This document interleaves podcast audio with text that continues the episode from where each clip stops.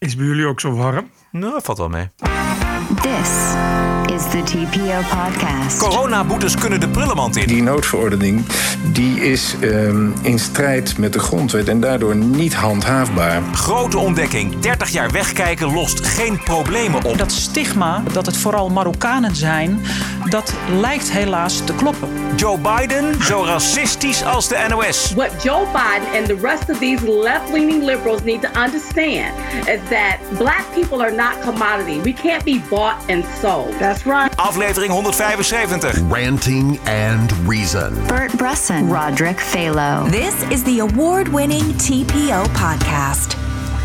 Het is vandaag maandagavond 25 mei. U ziet het niet, maar neemt u het maar van mij en van Bert zelf aan. Bert heeft een nieuwe koep. Ja, ik heb Koep Roderick.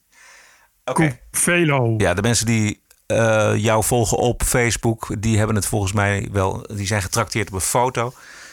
Eh, maar ik, het is, ik heb begrepen dat het inmiddels 30 graden bij jou is. Dus er zit ook wel een gedachte achter. Of is het meer toeval? Nou ja, want ik, kijk, ik zit hier al. eh, we zaten hier heel lang in lockdown. Dus ik heb in eh, geen maanden kappen gezien. En eh, met het haar dat ik heb, het is zeg maar eh, drie meter dik en drie Ja. meter hoog inmiddels. Eh, en het wordt dan zeg maar, als je het wast, is het een uur later weer net zo vet. Eh, en als het dan heel heet is, dan heb, je echt, heb ik echt het idee dat ik met een soort wollen deken op mijn hoofd loop. Ja. Dus het is allesbehalve prettig. En aangezien ik hier toch niemand zie, dacht ik van nou ik kan het net zo goed afscheren.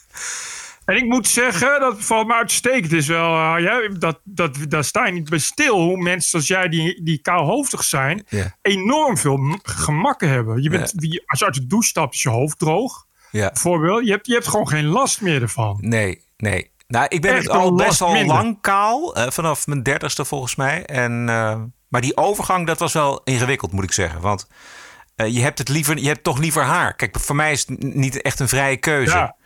En van jou wel. Want hoe oud was je toen je, toen je begon te kalen? dan? Ja, ik was al acht, achter in de twintig.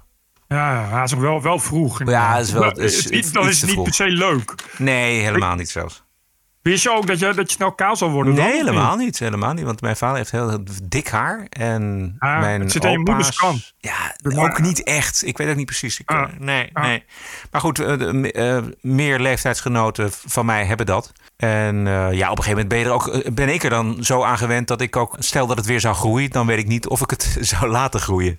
Nee, bij jou is ook een, bij, een soort ken, kenmerk Ja, geworden. ja. Dat- Daar herken je ook echt iemand niet meer als je ineens haar hebt. Het is eh, ook de dag dat NRC Handelsblad meldt dat de machtigste boekenrecensent van Nederland, Arjan Peters, op nul actief is gezet door zijn werkgever De Volkskrant. En De Volkskrant heeft eh, zelf nog geen commentaar gegeven. Tenminste, ik heb het niet gezien. Jij, Bert? Ja, ik las net eh, een stukje. Dat ze hebben wel, ik weet niet waar ik het las, maar de, goed, iemand had ze gebeld en daar had ze op gereageerd. En ze wilden er expliciet bij zeggen dat het niet om MeToo gaat. Oh. Dus dat, ze zeggen nu dat, het, dat ze al wel eh, maanden bezig zijn met een onderzoek. Maar dat het dus beslist niet met MeToo heeft te maken. Terwijl NRC Handelsblad wel meldt dat Juist. het MeToo-achtig is. Want wat is er gebeurd? Er was geklaagd over eh, Arjan Peters door een schrijfster, Maartje Wortel. Dat een collega-schrijfster van haar s'nachts een bericht kreeg van... ik ga je recenseren, zullen we morgen lunchen? Ja, en van andere bronnen dat hij dat dus vaker doet. En, en, en andere bronnen, maar goed, dat is nou ook weer niet zo heel betrouwbare bron, de hoofdredacteur van Nieuwe Revue.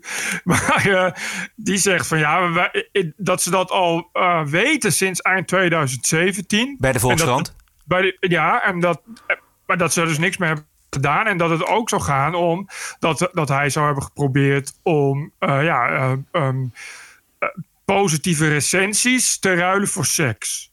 Nou ja, dat is toch wel MeToo, zou je kunnen zeggen. Ja, Want dat dat, zou- is dat die machtsverhouding. Kijk, als je, als je iemand leuk vindt en het is wederzijds, is er niks aan de hand natuurlijk. Maar de, de, de hele ellende van die MeToo is natuurlijk die machtsverhouding... die hij wel degelijk heeft natuurlijk. Want hij was... eh, Ik denk dat hij de machtigste recensent van Nederland was. Wat denk jij? Ja, er zijn er niet zoveel. En, Nee. eh, sinds de 28 dood jaar eh, lang schreef hij voor de Volkskrant die recensies. En volgens mij de hele grachtengordel kocht 28 jaar lang op zijn oordeel eh, boeken. Het is een veelschrijver ook. Dus inderdaad, hij leverde eh, onbeperkt stroom van recensies af. Ja. Dus, en, en in die wereld is dat allemaal heel belangrijk. Dus als de Volkskrant dus met nadruk uh, ontkent dat het hier om MeToo-achtig iets gaat, wat moet het dan zijn? Ja, nou ja, het is natuurlijk niet in de haak als, als ook als blijkt. Uh, ja, kijk, want volgens dat artikel van Maartje Wortel, die schreef dus dat hij s'nachts een schrijfster had ge-sms'd. Zullen we morgen lunchen? Want ik ga een recent. En dat is gewoon ook niet oké. want je moet natuurlijk als, als recensent los van de persoon. Je schrijft een recensie over een boek, niet over een schrijver. Nee, precies. En zij hem gaat interviewen, maar dus dat is niet in de haak. En er waren ook al uh, voorbeelden en dat die wel heel vaak schrijfsters, schrijfsters zijn. Dus je kunt je dan afvragen in hoeverre die verhoudingen dan oké zijn. Want als je een recensent hebt die hoe dan ook, op, op welke manier dan ook een bepaalde verhouding heeft met de schrijver waarover die schrijft, ja, dan kun je gaan, kan dat dan natuurlijk al reden zijn voor onderzoek. Natuurlijk, ja. ja. Nou ja, goed. Uh, we weten er nog heel weinig van. En laten we vooral niet op de zaken vooruit lopen. Want het zijn hele delicate zaken, dit. Ja, maar ja, ik vond het qua, qua roddelgehalte wel. Ja, precies. Daarom eh, dacht ik, ik stip het even aan. Ja. Ja. De, de, Volkskrant, hè, die toch ook niet zuinig heeft geschreven over MeToo. Ja. Ik bedoel maar. En dan ook nog eens een keer. Ik vond de gedachte dat, dat sommige schrijvers dus seks met hem hebben gehad in ruil voor een recensie, vond ik dan wel heel grappig. Oh ja. Zul je zien dat dat net die schrijvers zijn die dan. Uh, over me toeschrijven, zou ik maar zeggen. Ja, ja. Nou, en ik heb wel een beetje te doen met de, de grachtengordel. Um, en iedereen die op aanraden van Arjen Peters zijn boeken heeft gekocht de afgelopen 28 jaar. Want ja, waar gaan die recensies nou eigenlijk over? Gaan die nou over de boeken of gaan die over iets anders? En heb je daardoor niet boeken nou ja, gemist? Precies. Eh, Precies, precies. Je vraagt je toch af of, of het misschien niet een ster of twee minder was. Als er niet was geluncht van tevoren. Heb ik eigenlijk wel goed gelezen de afgelopen 28 jaar, denken een hoop mensen. Ja, wat, ja, je gaat als je nu denkt dat ze nu bij de Volkskrant wel... Uh, ja, dan moet je alles terug gaan lezen en zo. Je gaat dan toch anders zo'n recensie lezen ook, denk ik. Ja, precies. Nou, dat mag ik hopen wel. Ja. Anyways, nou vandaag over een week gaat het slot eraf hier in Nederland. Dan is het 1 juni. Horeca en terrassen gaan weer open. Theaters, bioscopen, concertzalen tot 30 man bezoek. Uh, anderhalve meter afstand, dat wel. Grote vraag is, moeten alle boetes die de afgelopen weken zijn uitgedeeld ook betaald worden? Ehm, en ik moet zeggen dat, dat al die bordjes die waarschuwen tegen samenscholen... dat het me ook behoorlijk begon te, uh, te ergeren. En, want um, je mag volgens mij best adviseren om niet samen te scholen, maar het afdwingen.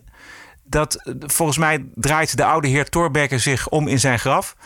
Ja, precies. Is dit niet een enorme aanranding van de grondwet de afgelopen weken? En daar hoorde ik daarover afgelopen zondag op Radio 1 een hoogleraar hoogleraar Algemene Rechtswetenschappen, die daar toch enige helderheid in schept. En zijn naam is Jan Brouwer. En nou was er laatst een echtpaar dat een taartje at met familieleden in een park in Schiedam. Zij kregen een boete. Ja. Uh, wat zegt u, moeten ze die gaan betalen of niet? Nee, zeker niet. Dat zou ik zeker niet doen. Kijk, um, er is nog een ander probleem. Hè. We zeggen dat de voorzitters van die veiligheidsregio's, dus de superburgemeesters, dat die heel veel macht hebben. Maar dat hebben ze eigenlijk niet. In de wet staat: nood breekt wet. Maar, en er staat er niet een punt, maar een komma, maar niet de grondwet. Nee. Dus die voorzitters mogen in hun noodverordeningen geen inbreuk maken op grondrechten. Nou, het verbod op samenkomsten, dat is een regelrechte inbreuk op de vergadervrijheid. Dus ik zeg elke keer, die, die, die, die noodverordening, die is um, in strijd met de grondwet en daardoor niet handhaafbaar. Stel nou dat dan vervolgens uh, de zaak voor de rechter komt. Is er dan in Nederland een rechter te vinden die deze mensen veroordeelt? Ik kan me dat in dit geval niet voorstellen. Kijk, uh, ik zei net al, hè, de groepsvorming is toegestaan, samenkomsten niet. Ik zie niet in wat het verschil is. Nee. En het, het coronavirus trekt zich ook er niks van aan of je nou te maken hebt met een groep die daar op afspraak is, of een groep die daar spontaan bijeenkomt. Dus het valt ook niet uit te leggen aan de burger. En daarmee valt het volgens mij ook voor een strafrechter heel zwaar om hiervoor een boete op te leggen. Ja. En dat betekent dus dat die boete een, wel een afschrikkend effect uh, kunnen hebben, maar dat het een papiertje van niks is. Ja, dat is vaker zo bij boetes. En ik denk dat wat die hoogleraar hier zegt heel belangrijk is. Ik denk wel echt dat je, als je een boete hebt gekregen hiervoor, echt inderdaad in die coronatijd, omdat je uh, uh, 1,40 meter van iemand vandaan zit en dat soort onzin, laat het vooral voorkomen. Ja. Dat, dat kan heel belangrijk zijn, omdat uh, je ziet eigenlijk, dat zie je eigenlijk altijd. En dat is natuurlijk iets waar, waar, waar gemeentes uh, en, en lokale handhavers natuurlijk altijd heel makkelijk gebruik van maken. Van het feit dat mensen, zeker bij kleine boetes, ja, die gaan toch niet rechter. Weet je, maar er zit een enorm verschil in uh, uh, wat een burgemeester uh, bijvoorbeeld, bijvoorbeeld wil. Of, of wat een gemeenteraad of, of, een, of een burgemeester. Ja, weet je, wat een college allemaal probeert door te duwen. En dan, wat in werkelijkheid mag. En ja, ik denk dat veel mensen zelfs ook niet, niet weten dat je mag voorkomen. Weet je, je kan al voor je, voor je fietslicht voorkomen. Ja. En de rechter die kijkt elke keer weer eerlijk. Kennen allemaal de rijdende rechten, weet je wel. Dus er wordt echt serieus altijd naar gekeken. Is het wel oké? Okay? En je kan gewoon winnen. En ik, ik zou zeggen, zelfs met mijn lekenkennis, dat inderdaad er heel wat rechters zijn die hier heel, met veel plezier gehakt van maken. Ja. Omdat het inderdaad nog maar de vraag is. Of, want het, dit is, ja, dat krijg je noodverordening. Maar ja, wat je net zegt, je kan niet zomaar de grondwet breken. Dan moet je wel meer van, meer, uh, van stal halen dan alleen maar even zeggen: Oh, het is corona. Dus ik ga nu. En ook de hoogte van de boete, hoe bepaal je dat? Ja. Je wel? En, en, en opgelegd door BOA's mag dat allemaal zo. Niemand weet het. Het is een, echt een enorm grijs gebied. En dat zie je ook bijvoorbeeld elk jaar met, met, met uh, uh, bijvoorbeeld Sinterklaas en Zwarte Piet. Weet je wel, dat er dan demonstranten komen. En dan burgemeesters die zeggen: nee, ik, ik, ik, ik laat dat niet toe. En ja, dan blijkt al hoe gevoelig zoiets ligt bij de grondwet. Je kan niet zomaar zeggen van. Uh, en dan moet je wel voor naar de rechter. Ja. Dat is een dingetje wat vaak ontbreekt. Ja, ja exact. Nou ja, ik, ik, ik vroeg het me af omdat we ons natuurlijk allemaal, tenminste de meeste mensen in Nederland, ik ook, uh, ons laten leiden door wat nodig is en wat, wat, wat uh, verstandig is. Um, maar het begon me zo te ergeren, al die, die, die verboden bordjes, uh, al dan niet zelf gemaakt, dat ik dacht, ja, wacht even, dit, dit, dit kan het niet. Overigens klopt precies wat jij zegt, dat de rechter heel vaak alles nog eens een keer afweegt en dan tot een heel ander besluit komt. Namelijk, er is helemaal geen reden voor een boete. En ik vind wat je net zegt een goed voorbeeld. Je krijgt overal ineens zelfgemaakte bordjes met verboden dit en dat. Maar ergens een bordje neerzetten met verboden maakt het nog niet verboden. Nee, exact. En dat is wel heel goed om, om te realiseren. En ik, uh, uh, ik zit er bijvoorbeeld ook bij dat, dat zie je tegenwoordig heel veel. Dat de politie die uh, ergert zich dan aan te veel omstanders. Die staan te fotograferen en te ja. filmen. Uh, en die gaan dan ineens boetes uitdelen aan automobilisten die uh, fotograferen. Maar daar is niet zomaar een wet voor, weet je. En dan, als je, ik denk dat als je dan naar de rechter gaat, als je zo'n boete hebt gekregen, dat dan die rechter zegt van, ho ik, ik begrijp dat, dat, je, uh, dat je het onfatsoenlijk vindt als mensen dat doen, maar je kan niet zomaar mensen daarvoor gaan bekeuren. Weet je, en daar, daar merk je waar, uh, waarom die rechter dan ineens belangrijk is, om ervoor te zorgen dat ja, die politie en die handhavers daar niet zomaar nog eens wat regels bij gaan, gaan verzinnen. Nog even een ander dingetje over corona. Ja. Uh, vrijdag las ik een stuk over een onderzoek uit Hongkong onder ruim 7000 coronapatiënten, van wie er slechts één het virus buiten heeft opgelopen. Ik weet niet of dat toevallig ook ja. hebt gezien. Daar heeft uh, onder andere de Volkskrant over gepubliceerd. Onderzoekers uit Hongkong die stellen dus dat het virus zich buiten niet goed verspreidt. En dat komt door ja. Nou ja, allerlei de weersomstandigheden, de UV-straling van de zon, et cetera. Letterlijk stond er zoiets als: uh, het, je moet als virus wel heel erg van goede huizen komen, wil je buitenshuis de boel doorgeven. Geldt trouwens ook voor uh, gewone griepvirussen, schijnt dat ook te, te gelden. Exact. Ja. Uh, dat heeft nogal wat gevolgen voor de zogenaamde anderhalve meter samenleving waar wij in leven in Nederland. Want als dat inderdaad zo het geval is, dan, dan doen we buiten in ieder geval veel krampachtiger dan we, dan we zouden moeten heeft enorme gevolgen zelfs. Ja. Ja, want uh, Maurice de Hond publiceert het telkens over. Ja. Uh, en die heeft tot nu toe aardig gelijk gekregen. Ja. Ik moet ook zeggen dat hij... Ik volg hem altijd, omdat hij, hij spamt iedereen. Dus ik krijg altijd die nieuwsbrief binnen. Dat is altijd wel aardig. En hij baseert zich eigenlijk altijd op hele keurige bronnen, keurige onderzoeken. Uh, en tot nu toe ja, lijkt hij toch wel best wel vaak gelijk te hebben gekregen. Ja. Tot, tot, tot grote woede en weerzin toch wel van de gevestigde hè, RIVM'ers. Ja, exact. Die veel rigide zijn in het denken. En, ja, precies, dat, dat vind ik nou ook. Want weet je, we weten zo ontzettend weinig nog van dit virus. En ja. nu zeggen ze, want ik las het vandaag, die, uh, hoe heet ze, uh, Koopmans geloof ik, die hoofdopperviroloog. Van Dissel? Uh, nee, niet van dit, nou Marion Koopmans. Okay. En, hoe dan ook, ook een belangrijke. en die zegt dan van ja, Uh, maar dat, uh, we, we, gaan er nog steeds vanuit, via de WHO en het RIVM, we gaan eruit vanuit uh, dat dat virus zich ook uh, buiten op anderhalve meter verspreidt. Terwijl je tegelijkertijd denkt van ja, het is al een tijdje bekend. Weet je, en dit is, dit is iets waar je, waar je snel haast mee moet maken. Als het blijkt dat het waar is, dan wil je zo snel mogelijk die anderhalve meter samenleving afschaffen. Ja. Want dan kun je gewoon zeggen van ja, het hoeft buiten niet zo. En, en dat scheelt enorm nu, veel aan de uh, economie. Ja, exact. Het punt is nu uh, dat op het moment dat je zegt um, dat, het, dat het buiten uh, um, um, wegwaait en binnen zich heel makkelijk verspreidt, dan moet je zeggen dat dat virus airborne is. Dus dat het ook in de aerosolen zit. En dat zegt Maurice de Hond al heel lang. Dat zeggen steeds meer onderzoeken. Maar de WHO en de, en de RIVM willen dat nog niet accepteren. Die zeggen, je krijgt dat virus alleen van de dikkere speekseldruppels. Dus op een, op een korte afstand. Ja, maar dat wordt volgens mij ook niet door die Hongkongers ontkend. Want die zeggen ook, kijk, het buitenlucht, je hebt buitenlucht en buitenlucht. Als, als je een buitenlucht hebt met bijvoorbeeld een overkapping... Ja. En er staan veel mensen onder, onder een tent. Dan kun je nog wel buitenlucht hebben, maar dan betekent het ook dat mensen elkaar, ja, dat het virus daar blijft hangen. Zijn verklaring ook voor hoe het virus in bijvoorbeeld Italië en eh, tijdens het carnaval om zich heen heeft gegrepen. Die exact. vergelijking worden ook gemaakt. En die maakt inderdaad ook Maurice de Hond. Het punt is, Uh, dat op het moment dat je, als je, als je het over die, dat, daar, die vergelijking maakt, Maurice Hond ook, ook zei, de superspread events, ja. dus mensen in een kerk, ja. uh, mensen op bijeenkomsten. Om dat te bereiken, kan dat alleen als dat virus airborne is en aerosolen. Ja. En dat is iets wat de WHO en het RIVM nog niet, nog niet aan willen, want die zeggen ja. Uh, het, het, het deelvermogen, het besmettingsvermogen van het virus is relatief laag afgezet tegen bijvoorbeeld de mazelen.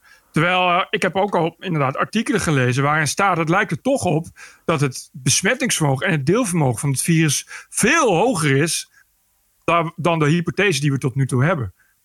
En het probleem is dat je daar uh, niet zomaar als WHO of RIVM kunt zeggen: oké, okay, weet je wat, we stappen er vanaf we gaan iets anders accepteren. Dat kan dus natuurlijk alleen na gedegen onderzoek en belangrijker voldoende bewijs. En ja. dan krijg je dus dat je kan wel zeggen dat mensen in Hongkong iets zeggen en iets testen. Maar ja, weet je, dan hebben we het in Nederland en in Europa nog niet uitgebreid getest. En dat is het probleem. En dat is ook de reden waarom zo'n RIVM uh, voor het oog continu achter de feiten aanloopt. Ja. Omdat je niet anders hebt dan dat je moet afwachten en opnieuw hypotheses moet gaan bewijzen. En dan blijkt het ineens anders te zijn. En ik durf er nu al vergif op te nemen dat ze inderdaad over een twee maanden zeggen: Goh, ja, die Maurice de Hond heeft gelijk. die ja. anderhalve meter buiten maar heeft geen zin. We hebben inderdaad, het blijkt inderdaad dat die deeltjes toch meteen wegwaaien. En het blijkt inderdaad dat die deeltjes veel besmettelijker zijn dan we hebben aangenomen. Dus binnenshuis wordt het veel makkelijker verspreid, ook in kleine delen. Ja. Wij hebben een luisteraar slash medewerker in Hongkong. Het zou mooi zijn als uh, hij ons uh, iets meer over dat onderzoek in Hongkong en de ervaringen daarmee van op de hoogte kan stellen. Ja. Dus uh, dat zou hartstikke leuk zijn. info.tpo.nl Wij houden ons aanbevolen voor eerste rangs informatie. Nog andere dingen over corona? Nee. Nee, oh ja, nou wel. Ik, ik, ik, ik erger me altijd aan de mensen die de hele tijd niet verder komen dan dat het, dat het maar een griepje is. Yeah. Uh, van het is maar een griepje en uh, er sterven elk jaar heel veel mensen en het zijn alleen uh, zieke mensen en, oudere. En oudere mensen. Terwijl ik, ik lees steeds meer in, in eigenlijk alle media jonge, gezonde mensen die heel ziek zijn geworden. en dat wel hebben overleefd en die kwamen niet op de IC terecht. Maar die toch allemaal uh, insgelijk zeggen: het is alles behalve een griepje. Ja. Het zijn toch echt mensen die zeggen: ja, ik ben echt door een hel gegaan. En ook uh, die uh, acht, negen weken later, zes, zeven weken later. Nog steeds de gevolgen ervan hebben. Nog, nog steeds meteen uitgeput zijn. Nog steeds last hebben van hun longen.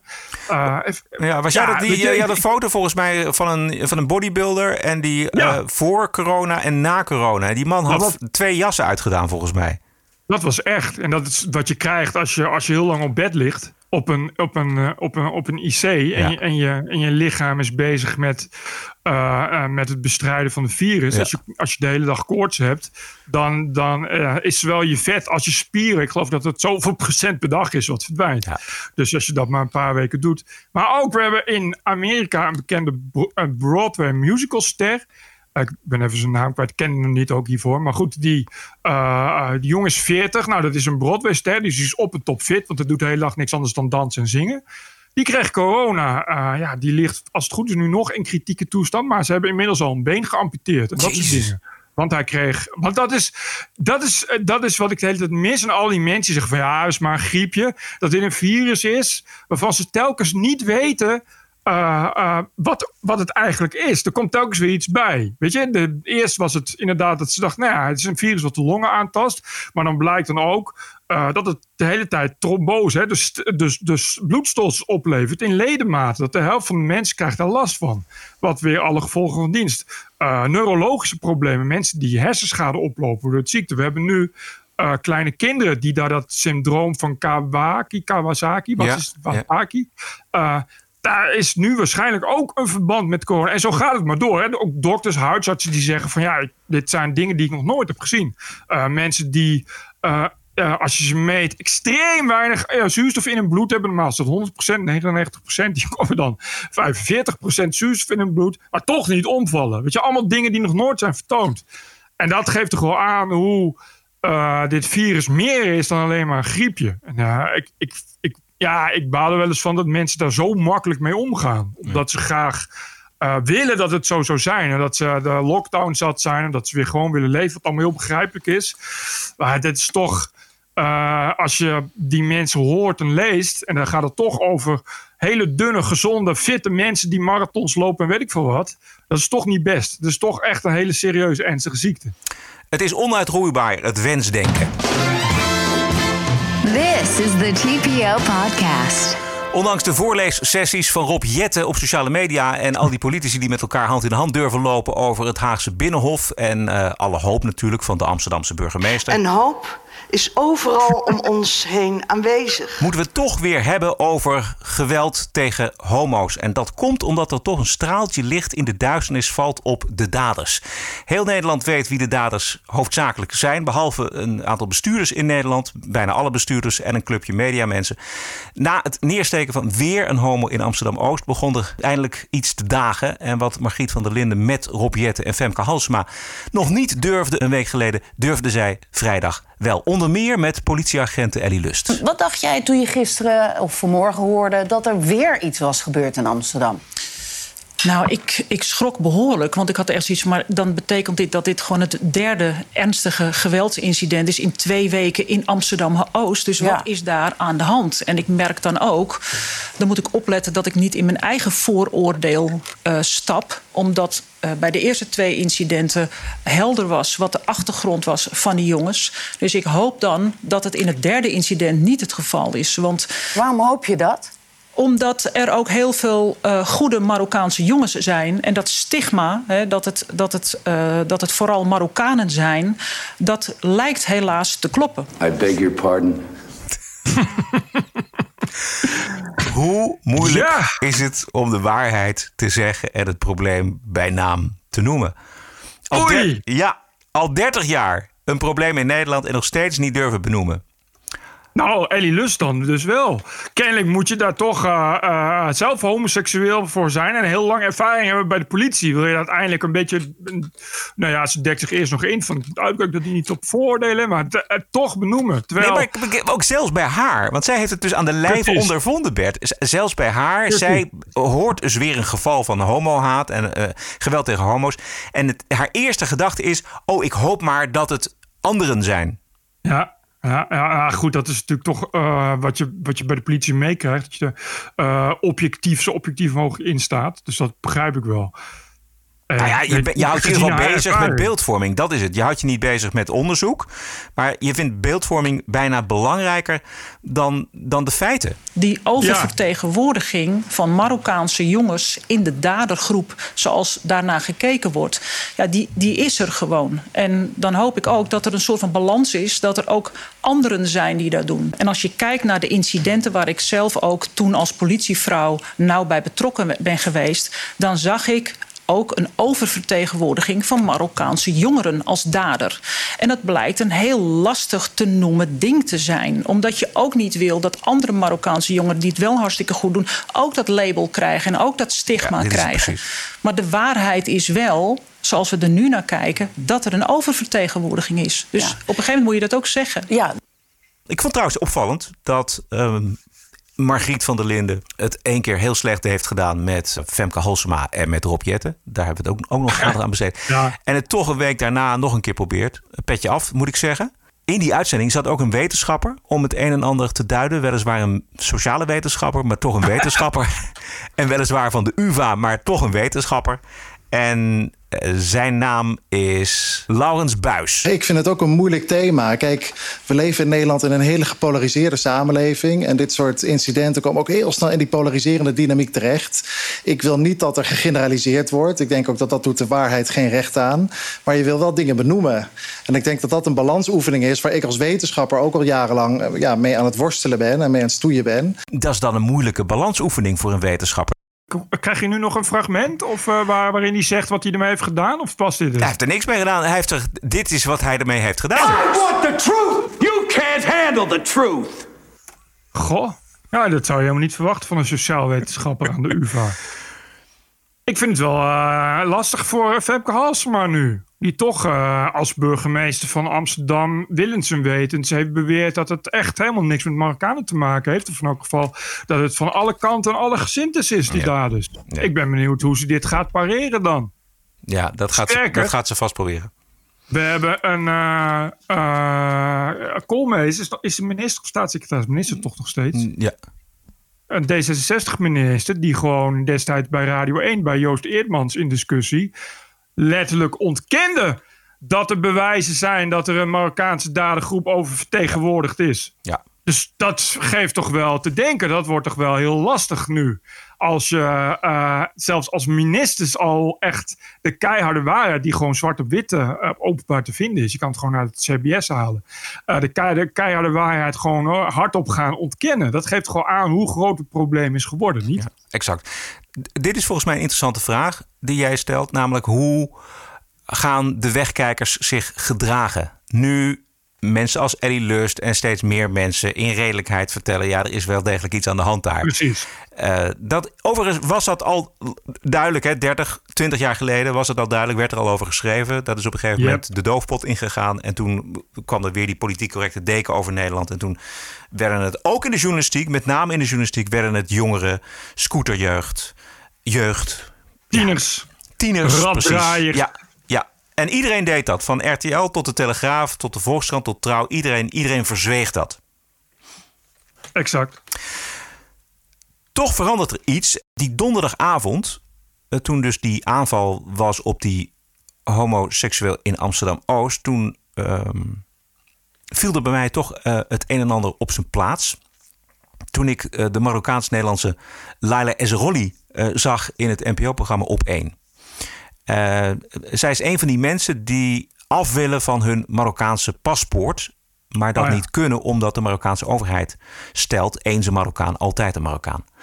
En dat heeft grote gevolgen voor niet alleen uh, haar persoonlijk... maar ook voor de integratie van Marokkanen in de Nederlandse samenleving in het algemeen.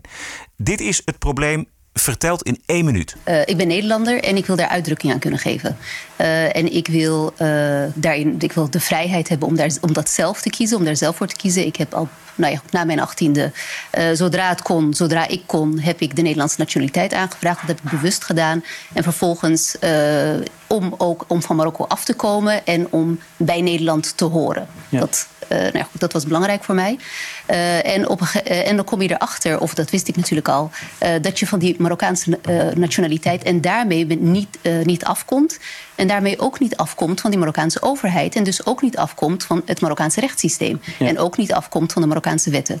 Praktisch betekent dat dat uh, niet alleen ik, maar ook mijn dochters, uh, mijn kinderen, mijn kleinkinderen en iedereen daarna zal vallen. Of nou ja, goed, voor mij is het nu mijn dochters en ik. Wij vallen onder een wetgeving die geen gendergelijkheid uh, kent. Dus als vrouw ben je minderwaardig aan een man. Die, een, een, land dat wetten kent die niet alleen discriminerend zijn, maar ook bedreigend voor sommige groepen. Dan heb ik het over zedelijkheidswetten. Homoseksualiteit is verboden, is een misdrijf, is strafbaar homoseksualiteit is verboden, is een misdaad, is strafbaar. Dus als, je, als dat de wetgeving is die voor jou geldt, omdat je Marokkaan bent en altijd zal blijven, ook al groei je op in Nederland, dan moet je wel in een enorm progressief gezin opgroeien om los te komen van die Marokkaanse zedenwetgeving. Exact. Bovendien, uh, zelfs als het niet in de wet staat, het zit gewoon natuurlijk ingebed in je hele cultuur. Dus je krijgt het er zo mee vanuit huis. Dus het wordt dan uh, toch, ja, het onmogelijk om aan te ontsnappen. Wat je zegt, dan moet je wel heel progressief uh, opgroeien. Maar dan, dan moet je dus opgroeien in een gezin van, van, ja, van Marokkanen die zeggen: ik, ik schud dat helemaal van me af. Ja. Ik, ik, ik mijn hele geschiedenis, mijn cultuur. Dus homoseksualiteit is verboden, is een misdaad, is strafbaar. Als je daarmee opgroeit. Ja.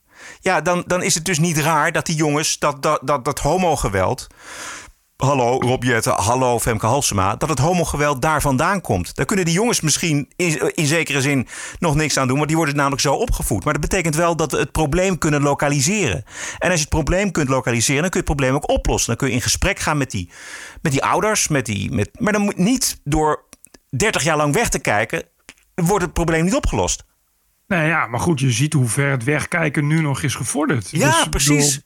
We hebben het, uh, een GroenLinks-burgemeester van de hoofdstad die het niet wil weten. We hebben, we hebben uh, een minister die, die letterlijk de waarheid ontkent, die het niet wil zien. Uh, we hebben de fractievoorzitter van, van D66 die zelf homoseksueel is en wel heel veel misbaar maakt over wat hij allemaal op social media over zich heen krijgt tegen, tegen homoseksualiteit. Maar die, die het niet wil zien. Precies, dus die houdt het lekker algemeen en die spint er nog electorale garen bij ook. Maar eigenlijk te laf om het probleem te benoemen en te lokaliseren.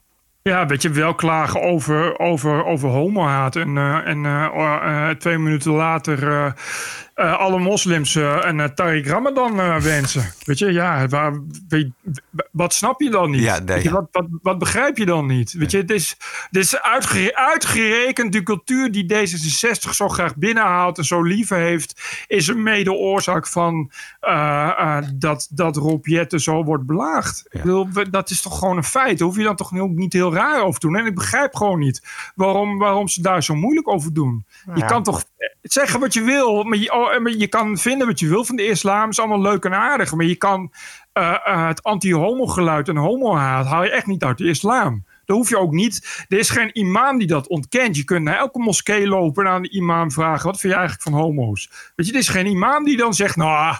Ik, wil, uh, ik ben eigenlijk een progressief, ik ben voor homo's. Nul. Geen één. En dat is ook niet zo bij SGP'ers. Maar daar hebben we er niet zo heel veel meer van. Maar we hebben des te meer, uh, des te meer moslims. Dus ik vind dat raar dat je dan als partij en als, als fractievoorzitter en als minister... dat je wel hand in hand gaat lopen met Alexander Pechtold... als ja. er homo's worden mishandeld. Dat je helemaal niets, niets, niets wenst te horen over de islam. Ja. Ik vind dat heel raar.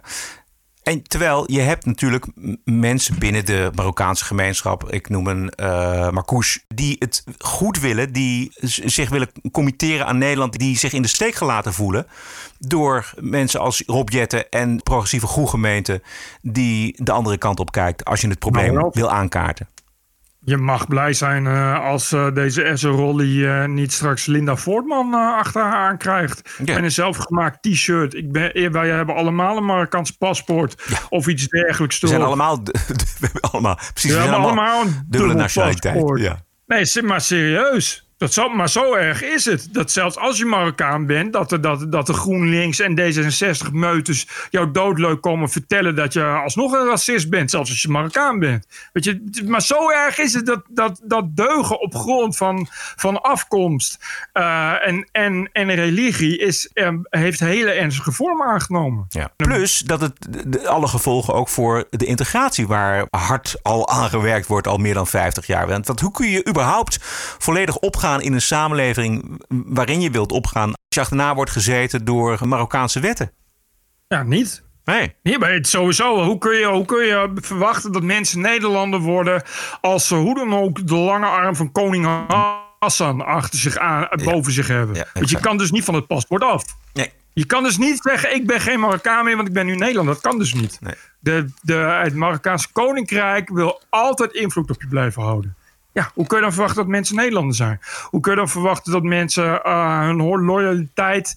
Uh, ik denk wel dat die mensen een loyaliteit bij Nederland heeft. Maar ik vind het ook niet raar als Geert Wilders zegt... mensen met een dubbel paspoort kun je twijfelen aan een loyaliteit. Ja, dat is niet zo heel raar. Nou, daarover zei Jan Paternotte van D66 in die uitzending... het probleem wat dat oplevert. Stel dat Laila uh, of een van haar kinderen, van haar dochters... bij het ministerie van Defensie zou willen werken... dan moet je een veiligheidskeuring door. Dat geldt voor heel veel banen in Nederland. En dan wordt aan jou gevraagd... heeft een buitenlandse mogendheid invloed op jou?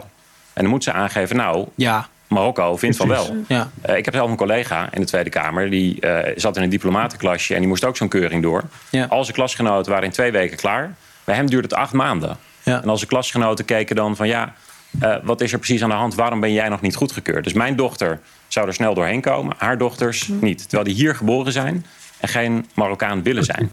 Precies. Ja. Ja, maar dit is, dat is serieus heel problematisch. Ja. ja. Je weet hoe, hoe, die, de, hoe de Amerikaan, of de Marokkaanse overheid is. Die, zullen, die, die, die willen ook willens en wetens dat inderdaad al die mensen willen ze, willen ze op die manier vasthouden. En als ze het nood, noodzakelijk vinden, gaan ze je alsnog in de gaten houden. Weet je, dit is, je komt daar nooit vanaf. Ze proberen je altijd te beïnvloeden. En dat is inderdaad problematisch. Wat, wat hij hier zegt. Als je, weet ik veel, bij de NAVO wil werken of bij de, bij de AIVD, nou, zegt ze ja, sorry. Ja, nou ja, sowieso bij de overheid volgens mij. Het is een wonder op zich dat Ariep en Marcouche en Abu Taleb het zover geschopt hebben in Nederland. Wel, uh, wel wat betreft een dubbele paspoort, ja. Wat, ja. Betreft, wat betreft de lange arm van, uh, van Marrakesh. Of zit die Rabat. Rabat.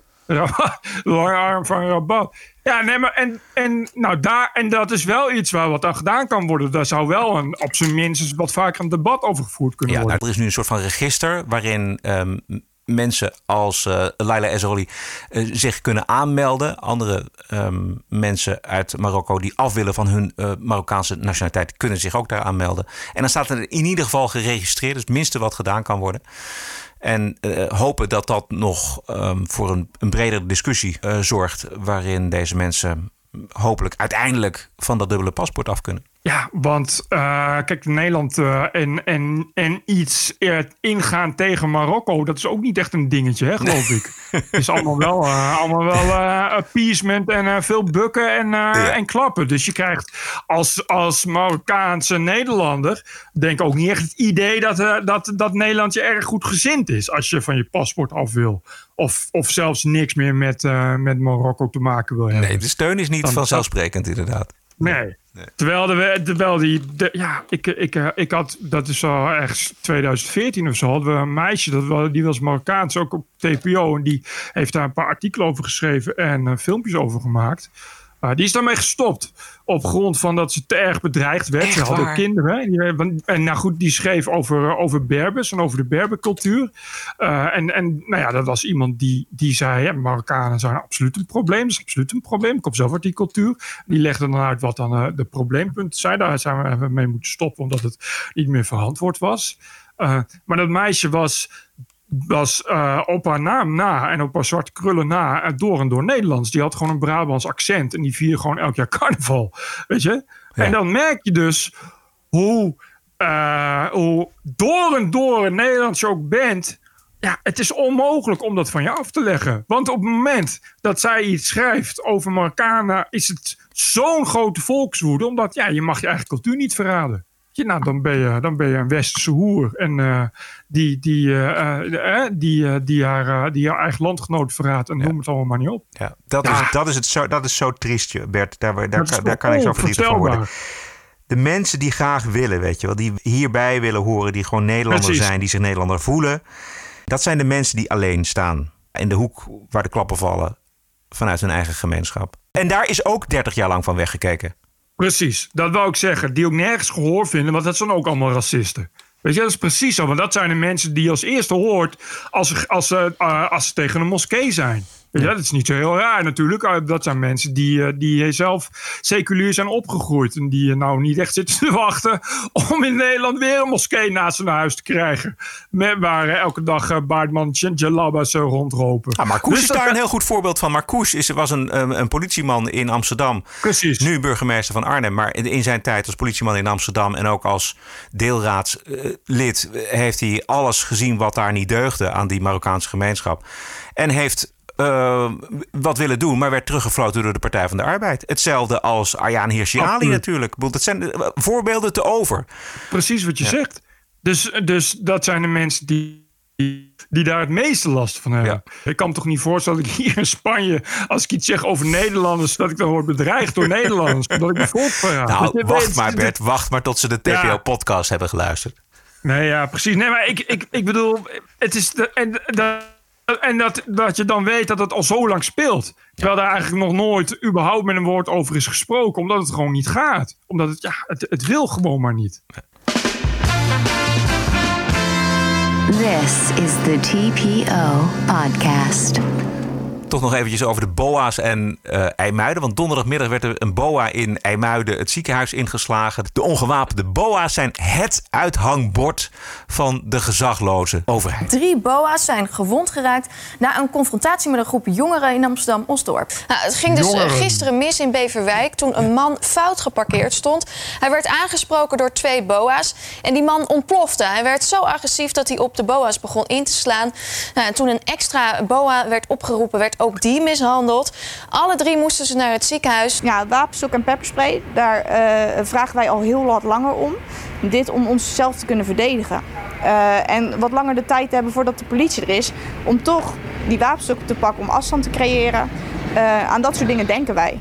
Dat dit geen exclusieve hobby is van tieners met een migratieachtergrond. Eh, in IJmuiden was het toch vooral eh, blank gepeupel. Luister maar. Jongeren. Ja, jongeren.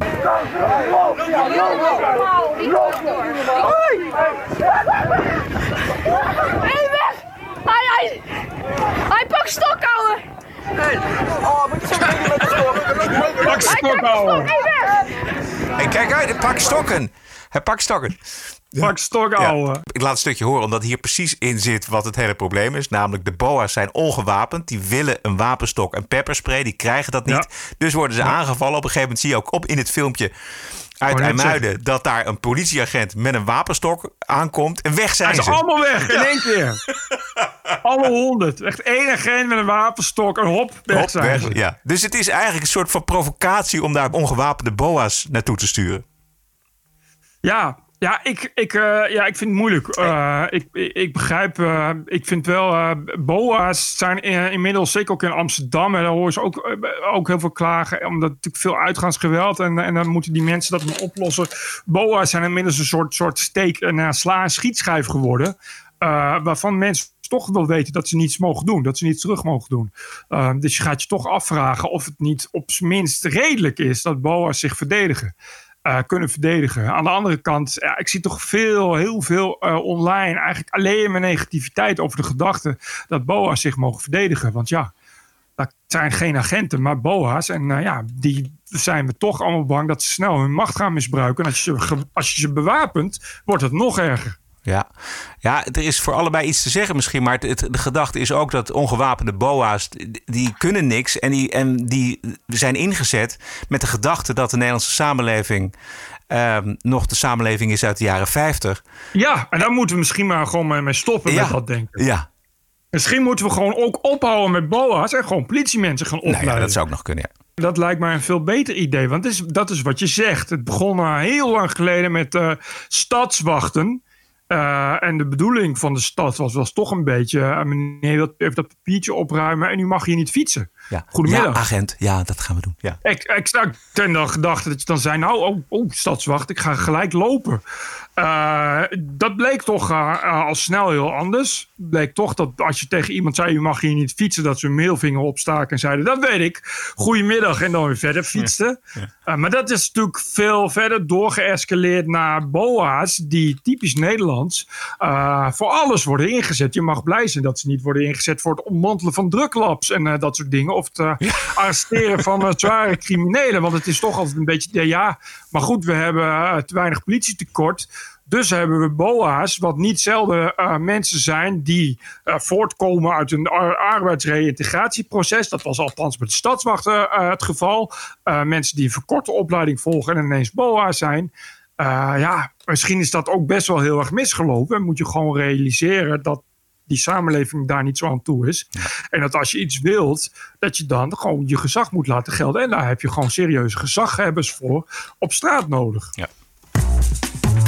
TPO Podcast. Hij is gratis, deze TPO-podcast. U hoeft er niet voor te betalen, maar het maken is niet gratis. Tijd, liefde en geld gaat er van onze kant in. En wat wij van u vragen is: welke waarde heeft de TPO-podcast voor u?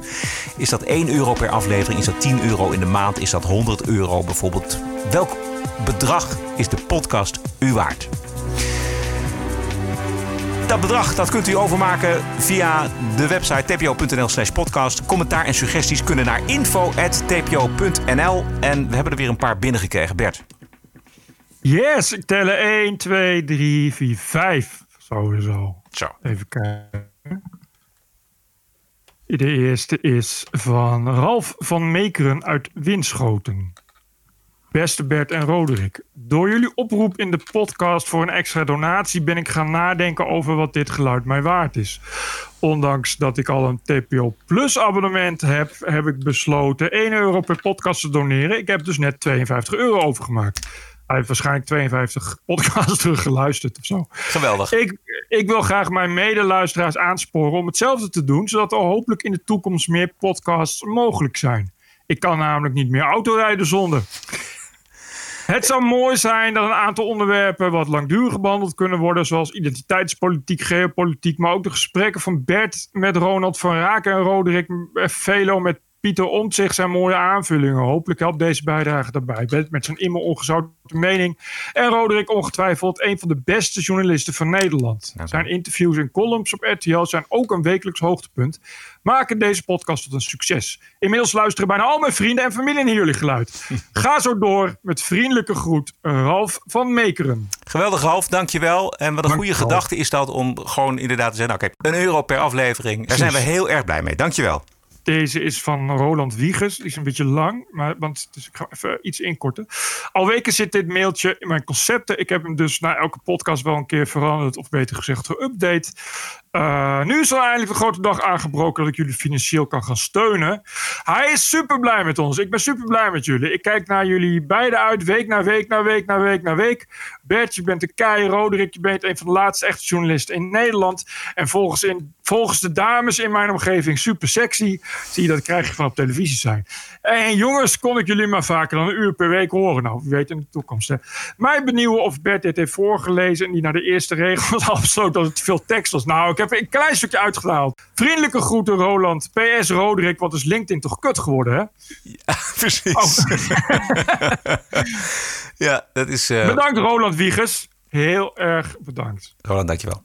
De volgende is van Jullie Blik en die ken ik. Uh, jullie Blik is een fotograaf, een hele goede fotograaf. En die maakt samen met een schrijfster, een hele goede schrijfster, een romanschrijfster, uh, doen ze face stories. Volgens mij begon dat uh, op Facebook en tegenwoordig maken ze er boeken van. En dat is dat jullie maakt foto's van iemand, van zijn gezicht.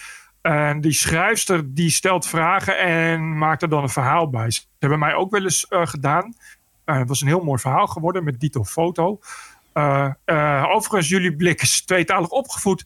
En die spreekt ook vloeiend Spaans. Okay. Zij wel. Ja, zij wel. Zij wel. En, um, want zij heeft Spaanse roots.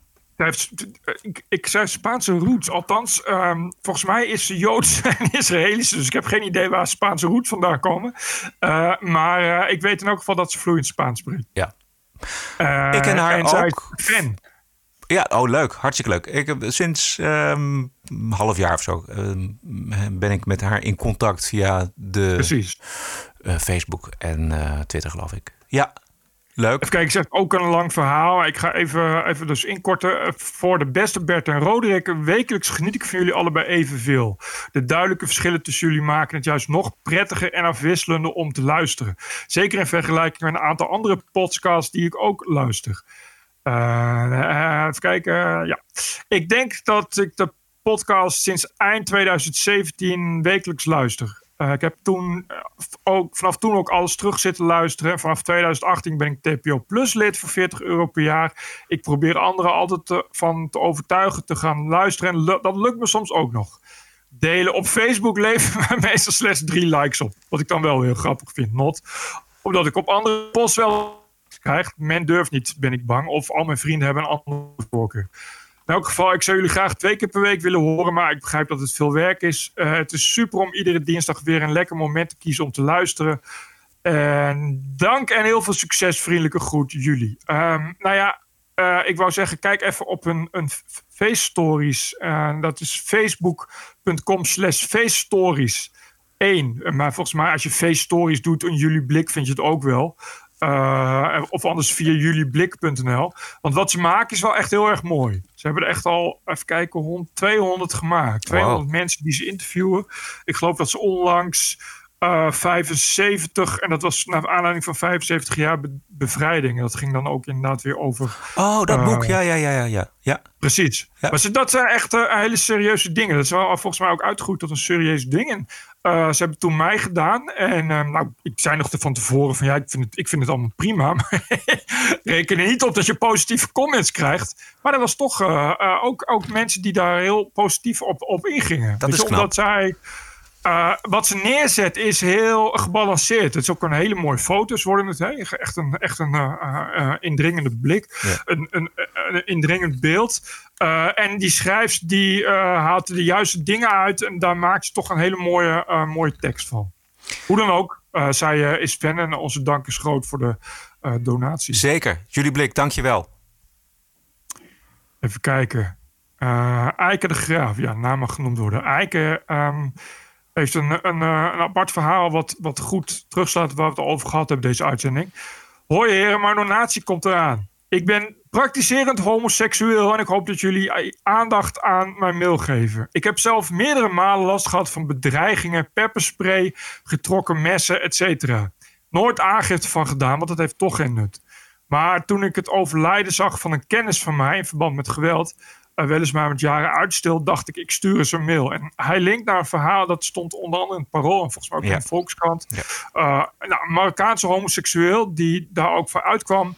Uh, en die is uiteindelijk overleden naar aanleiding van een epileptische aanval, omdat hij ooit een hersenbeschadiging heeft overgehouden, omdat hij nou ja, tegen zijn kop was geschopt, ja. omdat hij homo was. Ja. Door Marokkanen. Ja, beroemd verhaal deze week. Ja. En, en nou ja, deze Eike de Graaf, die zegt dus van ja, ik, voor mij is het een, uh, ja, iets wat ik wel even wil delen. Dus bij deze. Uh, nou ja, ja, en hij doneert ook allemaal leuk en aardig. Maar ik vind het wel belangrijk dat we dit nog even kunnen zeggen dan. Zeker, uh, zeker. Ik denk dat er heel veel homo's zijn die dat natuurlijk die zich daarin herkennen. Ja. Het niet eens per se over Marokkanen hoeft te gaan. Maar ja, het is wel, ik vond het ook een schokkend verhaal. Echt, echt ja iemand die tegen de klippen op weet hoe, hoe vervelend, hoe moeilijk het is om als, als, als Marokkaan uh, ja. overtuigd homo te zijn. En ja. Daar, ja. Ik word er eigenlijk boos van dat uh, de goede gemeente er zo omheen draait al zo lang. Het is gekmakend. Ja. Het is ziekmakend. Dit is iemand die, uh, die, die denkt in 2020 wel te kunnen zijn zoals die wil. Ja. en dat dus niet kan zijn. Die is gewoon vermoord vanwege zijn geaardheid. Daar komt het gewoon op neer. Ja, natuurlijk overleden aan complicaties. Maar ja, als je maar lang genoeg tegen je kop wordt geschopt... Ja. krijg je vanzelf gewoon complicaties die je niet meer overleeft. Ja. Kijk, Weet je, wat, wat natuurlijk echt... Het is te ziek voor woorden. Ja. De burgemeester van Amsterdam komt niet verder dan dit. Kijk, de norm moet heel helder zijn. En dat is dat um, ongeacht je seksuele geaardheid, ongeacht je gender, uh, moet je in Amsterdam volledig vrij en welkom en vrolijk kunnen voelen. Ja, dat weten we. Ja, maar dat kan dus niet. Dat is een open deur, Femke Halsemaar. Dat kan niet in Amsterdam. Dat kan dus niet in Amsterdam. En, en dat horen dit inderdaad horen we al 30 jaar. We zijn zo'n tolerante stad. En, en we hebben elk jaar een gay pride en weet ik veel wat. Maar die tolerantie, als het erop aankomt, is dus niet. En al helemaal niet in bepaalde culturen waarvan we vinden dat, uh, dat ze goed moeten integreren. En waarvan we, uh, waarop we geen kritiek mogen hebben. Daar word je dus gewoon uh, als homoseksueel word je gewoon vermoord. Precies. Gewoon vermoord omdat je anders bent. En voor heel veel mensen is er geen hoop meer. En hoop is overal om ons heen aanwezig. Nee. Dat is lekker praten, dat zijn mooie one-liners. Dat is gewoon niet waar in Amsterdam. Niet. Die, dood, die doodgeschopte jongen heeft inmiddels geen hoop meer. En ik denk zijn nabestaanden ook niet. Maar gelukkig pakt Femke het keihard aan. Want die zet zomaar een, een regenboogvlaggetje op haar Instagram. Als het erop aankomt. Ja. Zo, pak aan anti-homo geweld. Een, een vlaggetje Ja. op je Instagram. Ja. Ik- nou goed. Het is, Ik ga is- de laatste nee. voorlezen, anders dan. eh, kom. Robin Groenewoud, hallo Bert en Roderick. Onlangs realiseerde ik me dat ik inmiddels erg veel afleveringen heb geluisterd zonder ook maar één cent over te hebben gemaakt. Jullie podcast luistert heerlijk weg en zodoende is het denk ik gemakkelijk ingeslopen. Zojuist heb ik een paar tientjes overgemaakt, heel goed. En moedig andere luisteraars aan om ook eens na te gaan hoeveel afleveringen zij inmiddels op de teller hebben staan. Nu het vakantiegeld weer is gestort, moet dat er toch vanaf kunnen, toch? Jullie nuchtere blik op zaken geeft mij de bevestiging dat niet iedereen in Medialand elkaar napraat. En ik waardeer jullie geluid. Elke week kijk ik weer naar uit. Ga vooral zo door. Veel succes en dat er nog maar veel afleveringen mogen volgen. En Jeffrey Epstein didn't kill himself. Met vriendelijke groet, Robin Groenewoud. Dankjewel, Dank, Robin. Eh, iemand doneerde 500 euro. Die bedoelde ik eigenlijk. Ja, maar die, die, nee, die heeft verder niet gemaild. Maar er was ook nog iemand die mailde. Maar, die, maar iemand doneerde 500 euro. En die gaan we niet noemen. We weten wie dat is. Ja. Eh, maar goed, we, ja, wat kunnen we meedoen? Dan onze oneindige dankbaarheid Dat zou uitspreken aan. Precies, ja, fantastisch. Eh, ik, ik, wij zijn er heel blij mee. Weet je, red ons. red TPO Podcast, doneer 500 euro. maar goed, nee, om, om even te zeggen, die mensen zijn er. Dat heb ik bij TPO ook wel eens gehad. Ik heb wel een keer, twee keer 5000 euro gedoneerd gekregen. Van mensen. Dat waren wel mensen die zijn, dat zijn industriëlen. Mhm. Dus ik, ik denk dat die, ja, die, die kunnen dat dan afschrijven op een belasting of, of weet ik veel wat. Of willen een winst drukken, maakt verder niet uit. Het is, eh, donatie blijft een donatie. En het is eh, ah, iets wat ik geweldig vind dat mensen dat doen. Ja, dat is fantastisch. Eh, dus dus eh, als je geld over hebt, doe het vooral. Het hoeft niet eens naar ons. Het zijn voldoende organisaties waar je... Er zijn voldoende mensen die, eh, die ja, van een donatie afhankelijk zijn. Dank iedereen. Wilt u ondersteuner worden van de TPO-podcast? Dat kan met ideeën en suggesties. Mailen kan naar info.tpo.nl. En een financiële ondersteuning stellen wij op hoge prijs. Waarderen en doneren kan op tpo.nl slash podcast. This is us. This is our country. This is CNN breaking news. I believe that the president is literally an existential threat. Stop the hammering out there. Who's got a hammer? Make America great again. New York Times and CNN have also smeared veterans like myself. This video was taken during a heated exchange with an unidentified man who called Cuomo Fredo. Stop the hammering. This is the TPO podcast. News 630 WMAL, Washington. Extreem foute move van democratische presidentskandidaat Joe Biden op de New Yorkse radiozender Power 105 in de ochtendshow. Voor een miljoenenpubliek van zwarte New Yorkers zegt Biden. Als je niet voor mij stemt, dan ben je niet zwart. Oftewel, als je zwart bent en je stemt op Trump, kijk dan nog maar eens heel goed naar je huidskleur. Komt-ie. You got more questions, but I tell you, if you have a problem figuring out whether you're for me or Trump, then you ain't black. It don't have nothing to do with Trump. It has to do with the fact I want something for my community. I would love to see. Take a look at my record, man. I extended the voting rights 25 years. I have a record that is second to none. The NAACP has endorsed me every time I've run. The wor- I mean, come on. Take a look at the record. Yeah, the de NAACP, dat is een van de oudste zwarte burgerrechtenorganisaties in de Verenigde Staten. Ja. 1,3 miljoen zwarte Amerikanen hebben voor Trump gestemd in 2016. Dat, die zouden dus niet zwart zijn volgens deze Joe Biden. En dit zijn er twee van. Well, first of all, you have to understand when it comes to Joe Biden, if he uttered those words, that's what he truly think.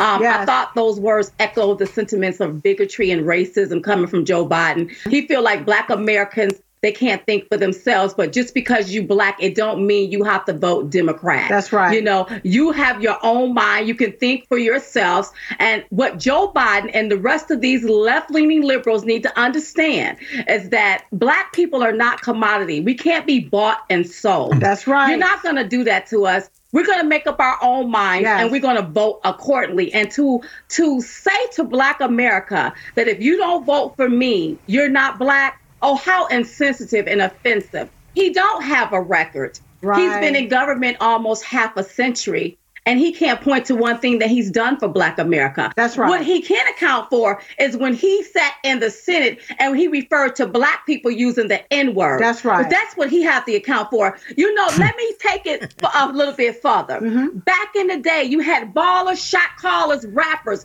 black rappers. Everybody wanted to be like Donald Trump. You name me one black man that ever wanted to be like Joe Biden. ja, precies. Ja. Ja, jij, her- voorbeeld. je herkende ze natuurlijk. Aha. Diamond is Silk. Ja, dit zijn Diamond en Silk. Dit zijn fans van, zwarte fans van eh, Donald Trump. Hij heeft er dus 1,3 miljoen. Ehm, misschien wel eh, in november komen er nog wel een paar bij.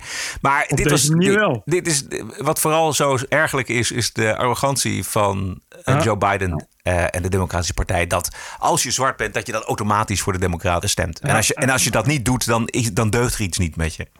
Het is echt dat typische, wat, ja, een soort, soort PvdA-betuttelracisme. dat is het, ja. Als ze het zelf gaan doen, dan komt er allemaal niks voor terecht. Want als je in een zwart community leeft, dan kom je er zelf natuurlijk niet uit. Heb je de, de slimme, rijke, blanke man, heb je daarvoor nodig? Er was een. Eventjes, pak het eventjes erbij. Er was in de Volkskrant stond er vanmorgen volgens mij eh, dit artikel ook. En daar stond er iets heel grappigs weer bij. Want ik dacht, waar blijft eh, de sneer naar. Ja, hier heb ik het. Waar blijft de sneer naar Trump? Biden praat zich vast met uitspraak over zwarte. Dat is dus een stuk wat vanmorgen in de Volkskrant Ja. stond. En dan gaat het heel lang over. Natuurlijk over Biden. En dan op een gegeven moment dan laatste alinea. Gelukkig wel. President Trump heeft zelf overigens ook een hele track record als het gaat om disqualificerende opmerkingen over zwarte en andere minderheden. Tijdens de campagne in 2016 noemde hij bijvoorbeeld de Mexicaanse immigranten verkrachters en vroeg hij zwarte kiezers wat zij te verliezen hadden. Alsof dat racistisch zou zijn of zo, geen idee. Geen idee wat, wat, wat de Volkskrant hiermee bedoelt. Later deed hij Afrikaanse dat- landen af als shithole countries en zet hij, zei hij Oh, tegen boy. de vier jonge zwarte vrouwelijke democraten in het congres dat ze maar moesten oproepelen naar waar ze vandaan kwamen. Ook al waren het vrouwen, alle vier eh, Amerikaanse staatsburgers. Oh boy, is ook allemaal oude, gedebunkte koek ook ja, nog. ja ge- ge- precies oude, gedebunkte koek nog eventjes eh, naar boven halen. Ongelooflijk. Ja. Om, ook, maar eh, je hoeft dat er niet bij te zetten. Hè? Het is gewoon een artikel over. Biden. Precies, dit is, gaat over Biden. Ja, als, het- als dit Biden was geweest onder Obama, had er heus niet gestaan. Nou, Obama heeft zelf ook gewoon niks. Maar nu is Trump, is het gewoon ook, ook soort ingesleten. Dat, dat, dan, dat je die de hoe dan ook, moet je even aan de haren bijslepen. Maakt niet zoveel uit wat. Gewoon Ja. een soort, het, is, ook, het is ook echt... eh, ja, je kan dat gewoon echt teruglezen als, als dat er onder elk artikel staat, staat er eigenlijk letterlijk. Oh, en overigens ben ik van mening dat Trump een slecht mens is. Het staat er dan echt standaard staat dat er dan onder. Ja. Anders, anders ja, deug je niet als journalist. Nee. Zoiets. Nee, je moet het is niet compleet. Nee, je moet toch, je moet toch cont- context geven? Je hoort, daar hoort toch een context bij? Nou, die context die leveren. Zeggen namelijk, Ongelooflijk. Trump is, eh, is minstens zo erg. Ja. Kom, en dan kom je ook met dit soort dingen aan. Wat er echt. nou ja. Over, Ja. over Trump gesproken. eh, de, eh, de Amerikaanse president neemt niet alleen hydrochloroquine, maar hij laat zich ook regelmatig testen. I tested very positively in a in another sense. So this morning, yeah, I tested positively toward negative, right? So no, I tested uh, perfectly this morning. Meaning, meaning I tested negative. Een ontzettende troll. Ja, ontzettende troll, ja. Die journalist, oh kijk, ik begrijp het niet. Ja. Je moet dan weer een extra vraag stellen. En dan kun je grijnzend zeggen, de. Ja, extreem ontspannen staat hij daar dan voor die eh, helikopter nog eventjes wat vragen te beantwoorden. En dan staat hij inderdaad te, trollen met die journalisten die ja, ieder woord natuurlijk op een, op een weegschaal wegen van hem. Precies, precies. Afgelopen dagen was in Amerika het belangrijkste politieke nieuws naast Biden dat de president, ondanks de negatieve uitslag van hem van de test, geen mondkapje droeg bij een bezoek aan de Ford-fabriek in Michigan. Dit is Wolf Blitzer van CNN. Attorney General, thank you so much for joining us uh, this morning. You said uh, right here on CNN that if President Trump doesn't wear a mask, he'll be asked not to return to any undisclosed facilities in your state. Uh, is the president no longer welcome in Michigan? Well, I will say, speaking on behalf of my department and my office, that's right. That's exactly right. I mean, today's events were uh, extremely disappointing and yet totally predictable. Uh, and I will say that, you know, understanding, of course, that his own doctor, Dr. Fauci, his own medical expert, recommends the wearing of masks in public enclosed spaces. The CDC makes that recommendation. Uh, in Michigan, of course, now that is the law. Uh, and in fact, uh, a court just upheld that, just upheld the governor's orders just hours ago. Uh, and even in Ford, it is their own policy. So the president is like a petulant child uh, who refuses to follow the rules. And I have to say, this is no joke. I mean, you just reported that 93,000 people have died in the United States. Dit is dan een procureur-generaal die dat zegt over een president. New York Times die, eh, kwam met een voorpagina met Oh ja. namen van mensen die eh, waren overleden aan het coronavirus. Eh, ik de- vond dat niet eens slecht trouwens. Nee, ik vond het ook wel... Het kan- Beetje pathetisch, Ja, maar- wel pathetisch. Ehm, Maar aan de andere kant, weet je, ik vond het wel, eh, als je zo'n grote krant bent. ja, het was nog maar een nou- gedeelte natuurlijk van de 100.000. Het waren drie pagina's waren het uiteindelijk. Precies. Ik geloof dat de teller op 100.000 staat. En ja, nee, het is natuurlijk een, een ramp van grote omvang. Zijn mensen die dat dan ook vergelijken met de grote griepepidemie in 2017, 2018. Maar dit, dit is zo'n event. Dit, eh, Ja. dit, dit kun je wel doen. Eh, je kunt Trump natuurlijk een hoop verwijten. Mijn idee is dat iedereen eigenlijk dit niet he- goed heeft ingeschat. En dat Precies. we allemaal achter de feiten hebben aangelopen, ook in Nederland. En dat Trump dat ook heeft gedaan. Maar wat je vooral in de media terugziet, is voortdurend dat iedere dode is een dode op het konto van Donald Trump. Precies, en er wordt ook echt gedaan eh, van, eh, van het is, het, het, dit gebeurt in Amerika door Trump. En als Trump er niet was geweest, hadden we nul doden. Ja. Weet je, een beetje, beetje dat. Terwijl, ja, wat je zegt, het is nou niet zo dat in de rest van de wereld het wel soepeltjes gaat. Nee. Met weinig doden. Maar het is echt, ja, typisch, ja, typisch Trump. Ja, het is Trump, dus kunnen we er weer op los. Precies. Het is allemaal, allemaal schuld van Trump. Alle doden, schuld van Trump. Nog één keer die procureur-generaal van Michigan. He's in a county right now where over 100 people have died. I am 20 minutes away from him in Wayne County, where we've had over 2,300 people die. This is not a joke. Uh, and he's conveying the worst possible message to people who cannot afford to be rec- on the receiving end of, of terrible misinformation. And it's very, very concerning. Het gaat nog steeds over Trump, die daar dan in die Ford-fabriek staat zonder mondkapje. En dit is wat Trump er zelf over zegt ter plaatse tegen journalisten die daarnaar vragen. Mr. President, there was a lot of interest about whether you would end up wearing a mask today. Could you just take us through your thought process of why you decided not to wear Well, a I mask? did wear. I had one on before. I wore one in this back area, but I didn't want to give the press the pleasure of seeing it. So I had it in the back area. I did put a uh, mask. on. Did you have the goggles on too as well, sir? I did. I had goggles, goggles and a mask. Right there. Why would you not be? And here's another one. Why would you not be wearing it? Because in this area, Why would you not be wearing it here, sir? Uh, not necessary here. Well, everybody's been tested, and I've been tested. In fact, I was tested this morning, so it's not necessary. But the executives are wearing them. Well, that's their choice. I was given I was given a choice, and I had one on in an area where they preferred it, so I put it on, and it was very nice. It was very nice. Uh, Zijn ook- Ik, vind wel dat hij een beetje een punt heeft. Hij is president van de Verenigde Staten. Moet je dan met een mondkapje op gaan lopen? Ik. Nee, precies. B- b- Bovendien eh, laat hij zich voortdurend testen. Hè? Tenminste, dat zegt hij. En, nou ja, oké, weet je wel. Maar het punt is, het was zo'n enorm event.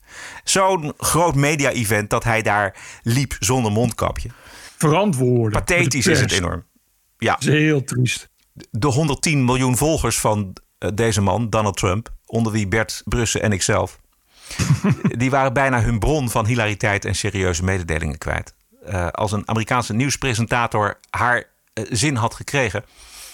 Het gaat om Mika Brzezinski. Eh, zij presenteert s'morgens de ochtendshow op de tv-zender MSNBC samen met haar man Joe Scarborough. En zij twitterde dat zij een gesprek had gehad met Jack Dorsey, de baas van Twitter. Waarin zij de baas van Twitter had gesmeekt Donald Trump van Twitter te bannen. We hebben het hier dus over een nieuwsmevrouw die oproept tot censuur. En voor 110 miljoen volgers denkt te moeten beslissen dat eh, wij het voortaan eh, zonder de mededelingen van de Amerikaanse president moeten doen. Ja, en dan vooral waarom. Ja. De reden dat ze daartoe oproept. Want die is namelijk persoonlijk. Nou, laten we even luisteren naar deze Mika Brzezinski. Donald, you're a sick person. You're a sick person. And that you won't even wear a mask to protect people from your germs. But the germs you're spreading on Twitter, first of all, Twitter, you shouldn't be allowing this. And you should be taking these tweets down. And you should be ashamed of yourself. You'll be hearing from me on this because this is BS. But Donald, you're a sick person. You're really a cruel, sick, disgusting person. Dit gaat dus over de Afrikaanse president. Dit is een vijandschap tussen Trump en, en dit presentatieduo dat al drie jaar loopt. We hebben al eens eerder eh, laten horen dat Trump dit programma 's morgens kijkt en dan twittert over dat programma. En dat de presentatoren die tweets dan weer voorlezen. Het, het is al drie jaar oorlog en de laatste escalatie, deze escalatie, gaat dan over een tweet van Trump waarin hij verwijst naar de dood van de medewerker van Joe Scarborough, haar man dus, twintig jaar geleden, toen die voor de Republikeinen in het congres zat. En die stagiaire die werd doodgevonden in zijn office. Ja. Eh, ze zou, oh, het zou om een on- ongeluk gaan, maar Trump twitterde feitjes dat het onderzoek naar de dood heropend zou moeten worden.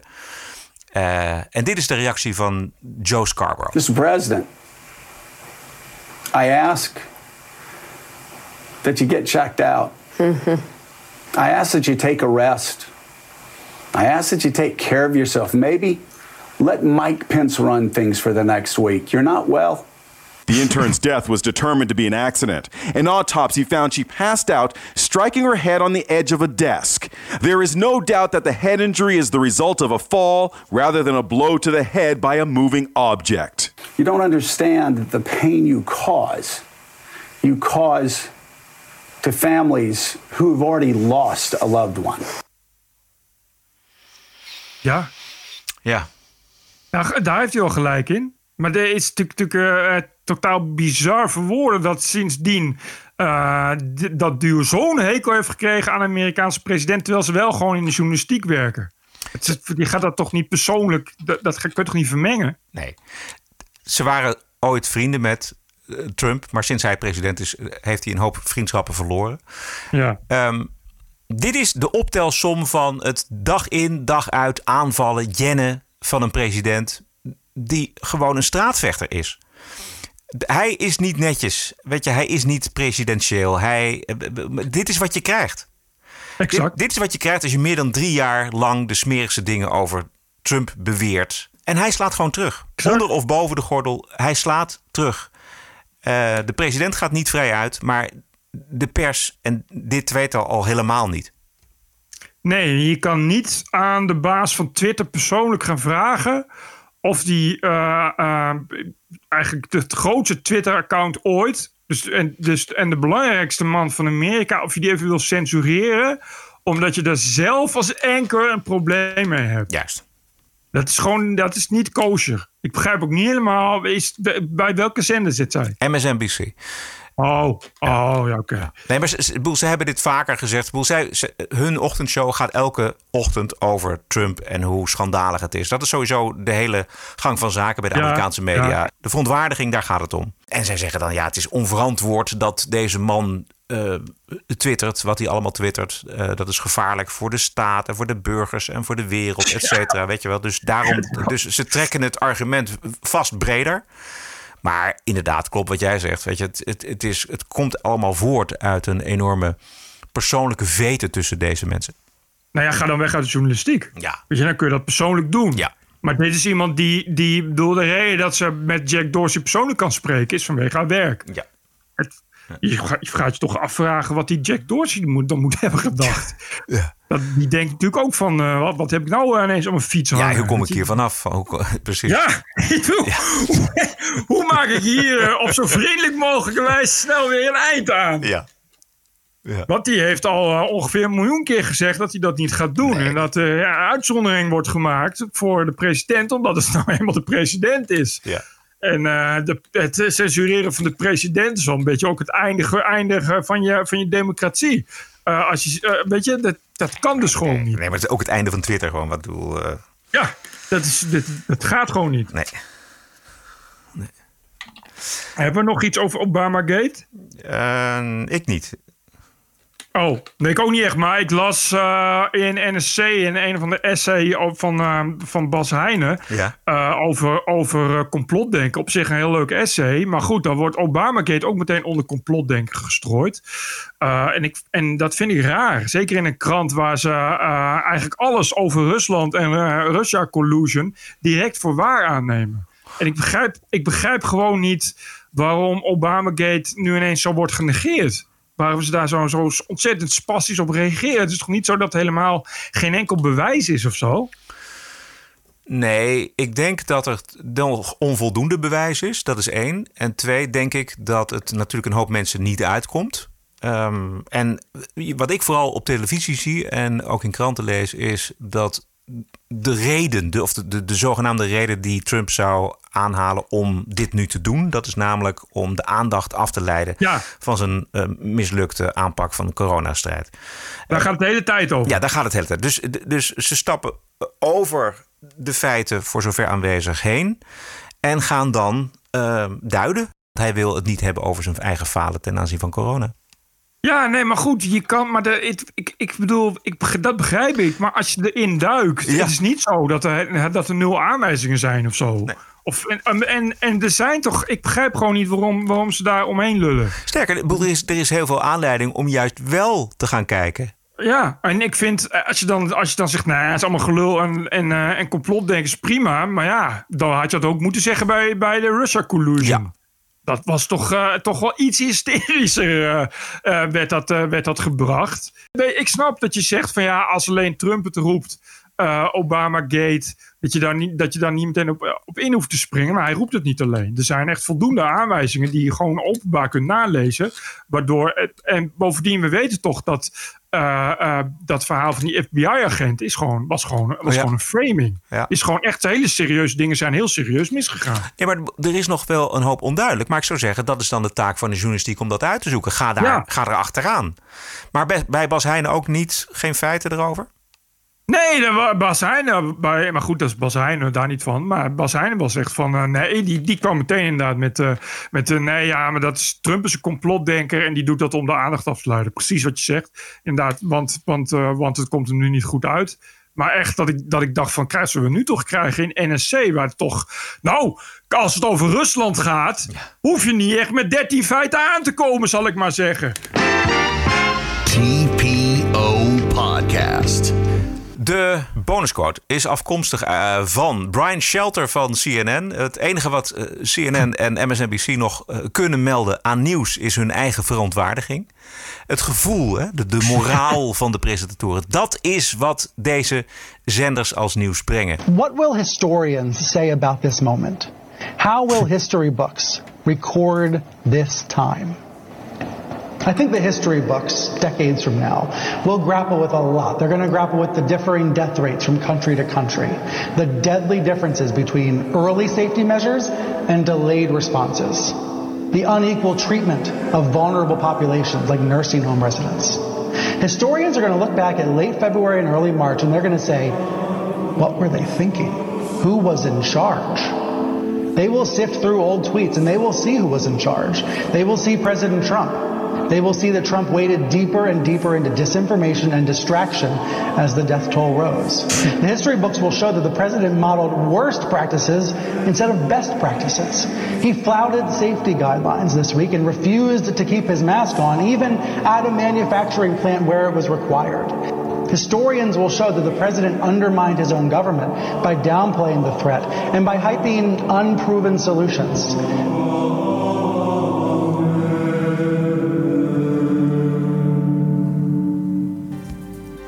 Feiten. En nul feiten. Goed. Tot zover aflevering 175. Wij bedanken iedereen die deze week gedoneerd heeft aan de TPO-podcast. Dat kan anoniem, dat kan ook met naam en toenaam. In dat laatste geval laat het ons vooral weten in een berichtje. Ons adres is info.tpo.nl. Financiële ondersteuning kan op een aantal manieren. Kijk op tpo.nl slash podcast. En wij zijn terug dinsdag 2 juni. Heb een mooie week en tot dinsdag. Dan is je haar alweer een stuk gegroeid. Ja, dat eh, dinsdag is het alweer zoals het was zo'n beetje. TPO Podcast. Bert Bruson, Roderick Balo, Ranting and Reason.